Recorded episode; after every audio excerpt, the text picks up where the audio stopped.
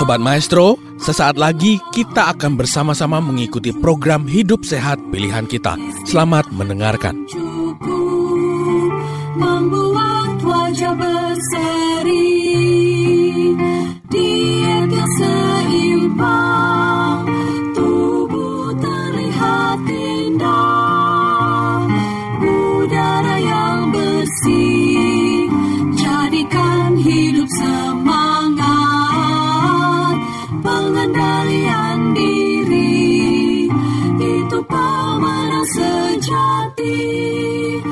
hidup sehat anugerah Tuhan. Hidup sehat sangat berharga. Sepuluh hukum kesehatan. Pada kesempatan ini saya akan sharing eh, tentang gangguan tiroid nih pada eh, orang dewasa.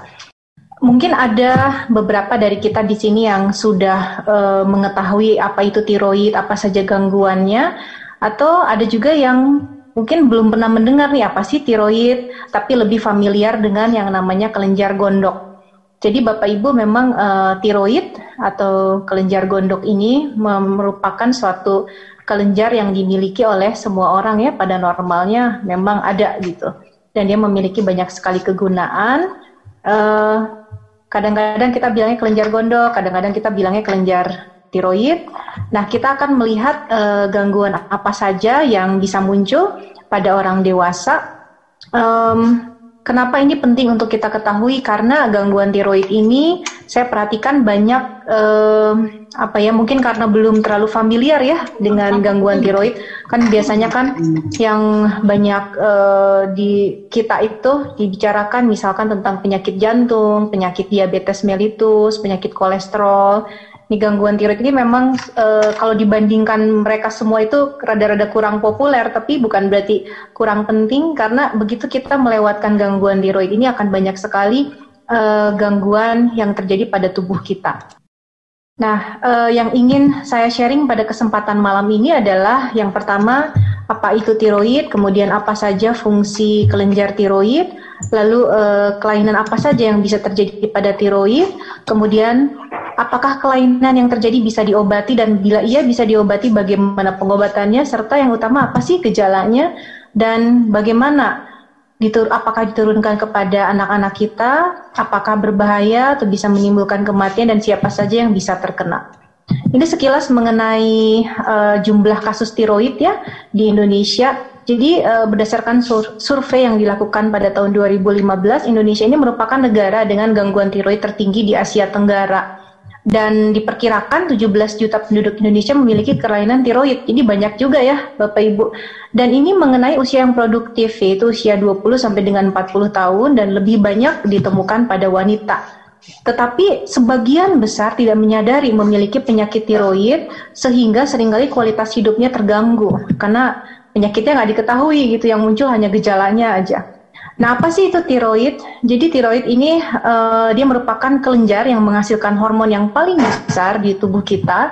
Dia berada di leher bagian depan ya bentuknya seperti kupu-kupu atau kalau bapak ibu ingat eh, merek Honda ya kayak Honda gitu ada sayapnya terus tengah-tengahnya di bagian sini ada kayak penghubung atau jembatannya. Dia menghasilkan hormon tiroid. Hormon tiroid ini ada dua macam, Bapak Ibu ada yang namanya T3, ada yang namanya T4.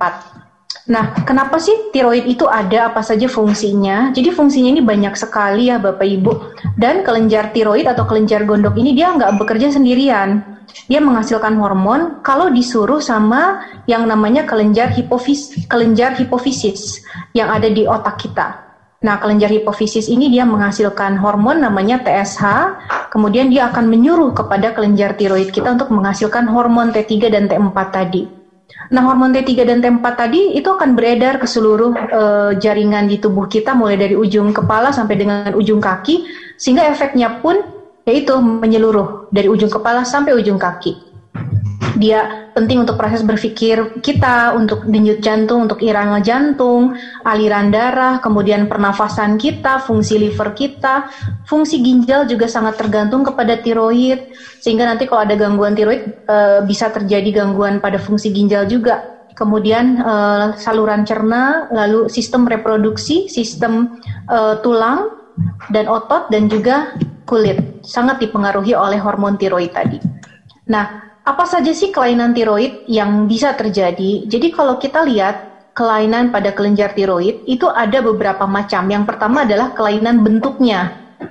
Jadi kalau kelainan tiroid ini selain karena bentuknya nanti kita akan lihat kelainan pada hormonnya gitu. Nah sekarang kita lihat dulu nih kelainan pada bentuknya. Jadi bisa terjadi pembesaran dari kelenjar tiroid. Nah pembesarannya ini bentuknya macam-macam Bapak Ibu. Bisa sifatnya nodul ya atau difus. Apa sih nodul atau difus itu? Kalau nodul itu bentuknya e, seperti bola. Kadang-kadang dia cuma satu atau kita bilangnya tunggal ya, mono nodosa, nodul satu atau dia bisa banyak, banyak multiple ya, multi nodosa gitu. Jadi bulatan-bulatannya tuh banyak. Nah, kalau yang diffuse ini membesar juga, tetapi dia tuh nggak kelihatan kayak bola-bola gitu, jadi pembesarannya rata. Nah, Bapak Ibu bisa lihat nih di sini bedanya kalau yang nodul tuh kayak gini berbenjol, bisa berbenjol-benjol atau benjolannya cuma satu. Kalau yang diffuse itu rata, jadi kesannya kayak lehernya tuh tambah gemuk gitu kalau yang diffuse itu. Nah, sekarang yang kedua adalah kelainan dari fungsi atau hormon tiroidnya. Kalau tadi bentuknya, sekarang hormonnya. Jadi hormon ini yang dihasilkan oleh kelenjar tiroid bisa berlebihan atau kita bilangnya hipertiroid. Ya, hiper itu artinya berlebihan atau dia terlalu rendah atau namanya hipotiroid. Nah, hipertiroid atau hormon tiroid yang berlebihan ini disebabkan oleh berbagai macam hal. Yang paling banyak sih autoimun, Bapak Ibu mungkin pernah mendengarnya penyakit autoimun. Apa sih autoimun itu? Jadi autoimun terjadi karena uh, tubuh kita diganggu atau dihancurkan, dirusak oleh sel-sel imun yang ada di dalam tubuh kita sehingga menimbulkan berbagai macam gejala. Nah, autoimun untuk penyakit tiroid ini namanya Graves disease ya yang menyebabkan uh, hormon tiroid menjadi berlebihan dalam memproduksi hormon. Selain itu bisa disebabkan karena obat-obatan. Contohnya kalau obat yang sering itu mungkin Bapak Ibu yang pernah mendengar amiodaron ya, obat yang dipakai untuk mengatasi gangguan irama jantung.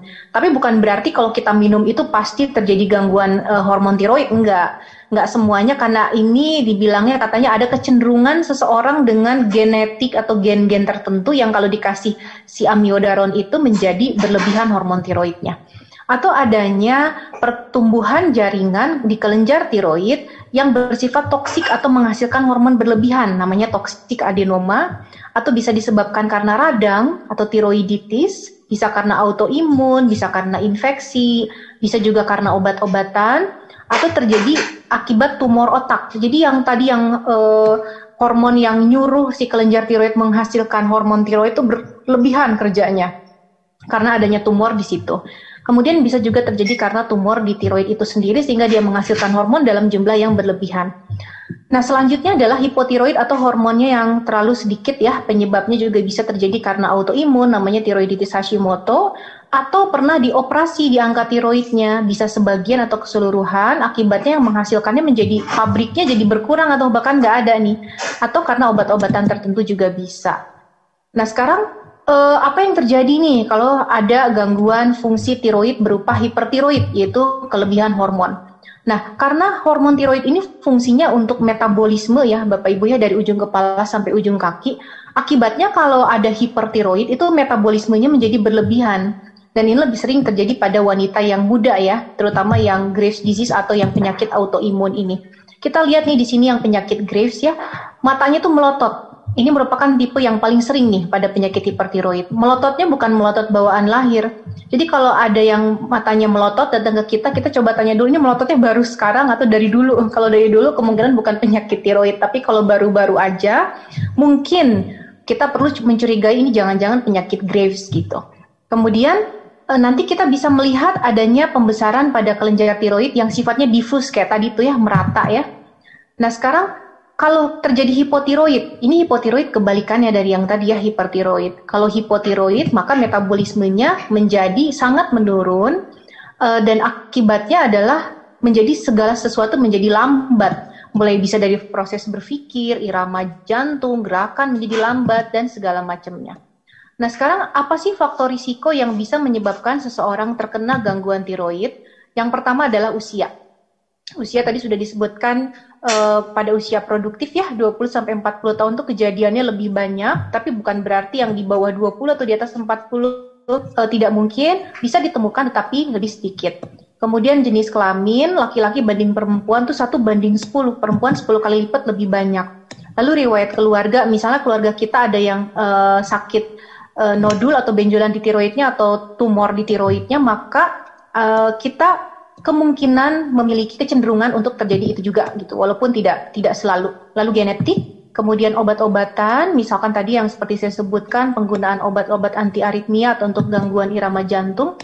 Faktor stres sebetulnya faktor stres dia bukan merupakan faktor penyebab ya tetapi lebih ke mencetuskan. Misalkan kalau kita udah ada gangguan tiroid sebelumnya kemudian kita stres karena hal apa pun akibatnya bisa menjadi lebih uh, lebih terganggu ya kadar hormonnya bisa lebih tinggi atau lebih uh, rendah tergantung dasarnya kita yang mana nih gangguan tiroidnya kemudian merokok merokok juga dihubungkan dengan lebih sulitnya mengatasi gangguan uh, tiroid. Jadi kalau kita ada gangguan tiroid dan kita merokok, ini biasanya pengobatan suka lebih resisten, suka lebih susah diobati.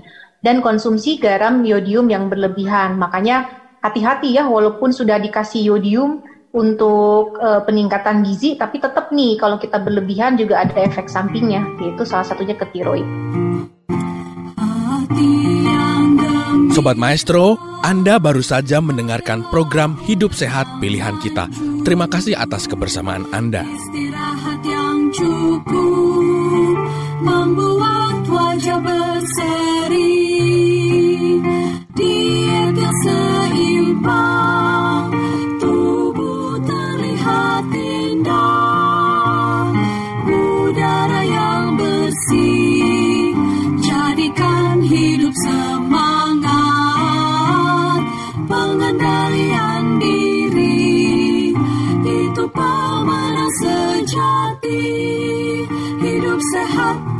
Anugerah Tuhan, hidup sehat, sangat berharga, sepuluh